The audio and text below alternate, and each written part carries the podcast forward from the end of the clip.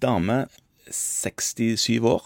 Hun har gått i eh, ja, flere år, egentlig, og hatt eh, Vi vet hva det er. Hun hadde slitasjegikt i hoftene, Au da. begge sider. Ja. Hun har eh, gått fysioterapi og trent og vært flink på det. Hadde såpass vondt en stund at hun måtte ha sånn bassengtrening fordi vanlig tyngdekraft ble for mye for henne. Ja.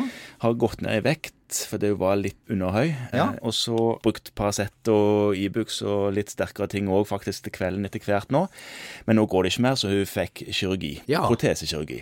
Fikk nye, fine hofter i titan. Ja, ja, stemmer. Ja. Først på den ene siden, og så fort hun var oppe og gikk igjen på den andre siden. Og hun trengte opptrening etterpå. Det er jo ikke så altså, vanskelig å forstå. Det der varierer jo en del. Ja, det gjør egentlig det, men hun Ja. trengte det. Ja. Hun lurte på, fordi hun syntes det var så dumt å måtte bo hjemmefra, om ikke hun kunne bare gå til fysioterapeut her, for det var hun så vant med fra før av. Så sier jeg jo, det er for så vidt, men så kom jeg på at hun trenger kanskje et strengere opplegg rundt seg. Hvor henviser man da, liksom? Noen trenger jo det, og da pleier vi jo å skille mellom det som er vanlig opptrening, Ja. som jo er det du kanskje tenker på at eh, de får eh, fire timer hos en fysioterapeut og noen øvelser og et treningsstudio. Ja. Og hvis de er veldig heldige, så får de trene sammen med fysioterapeuten en periode. Og så skiller vi på det og det vi kaller for rehabilitering.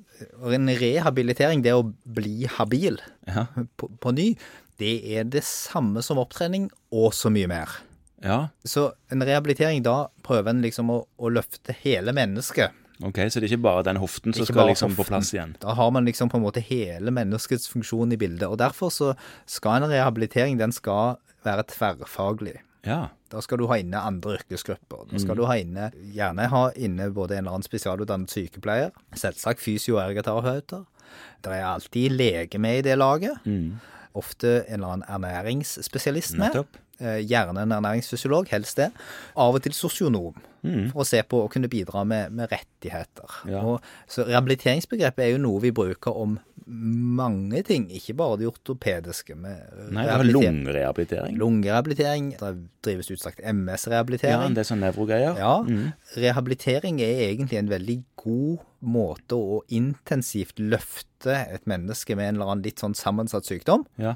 eh, opp på et litt høyere funksjonsnivå. Så da, for min dame her, da, da var det bare å henvise henne til en sånn rehabiliteringsegning, da. Ja, det som er litt av problemet nå, sitter jo med solid plante her på det fantastiske Vestlandet. Og da er det sånn at hvis disse enhetene som sorterer under Helse Vest skal motta en henvisning, så må de gå gjennom det som på godt nynorsk kalles for regional tilvisningsegning vest.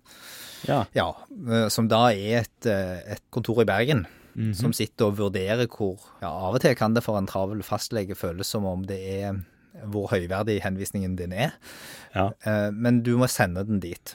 Så det er de som bestemmer hvil- hvilken institusjon og om det er behov? Nei. Det, det kan du skrive på. Ok. At eh, jeg vil at pasienten skal dit, Ja. men det er de som skal vurdere om vilkårene for å kunne få en rehabilitering er til stede.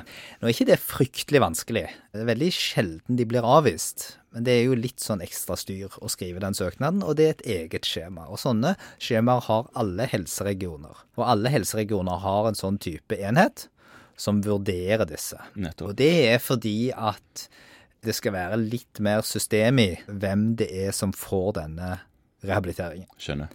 Da får du jo gjerne et, noen ukers opphold. Ofte er dette standardisert etter diagnose, f.eks. to til fire eller til seks uker.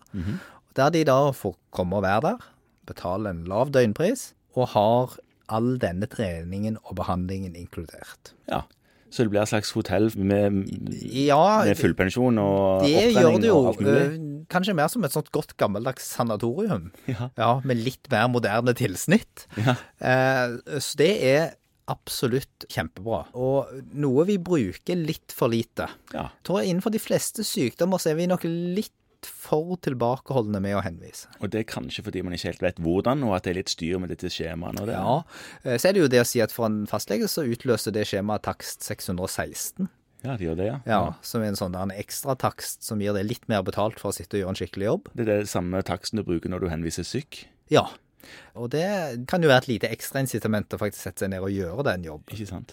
Og det vi ser er at som internasjonalt og generelt, og i Norge også, så venter vi litt for lenge før vi henviser pasienter til rehabilitering. Mm. De kan godt rehabiliteres på et litt friskere nivå.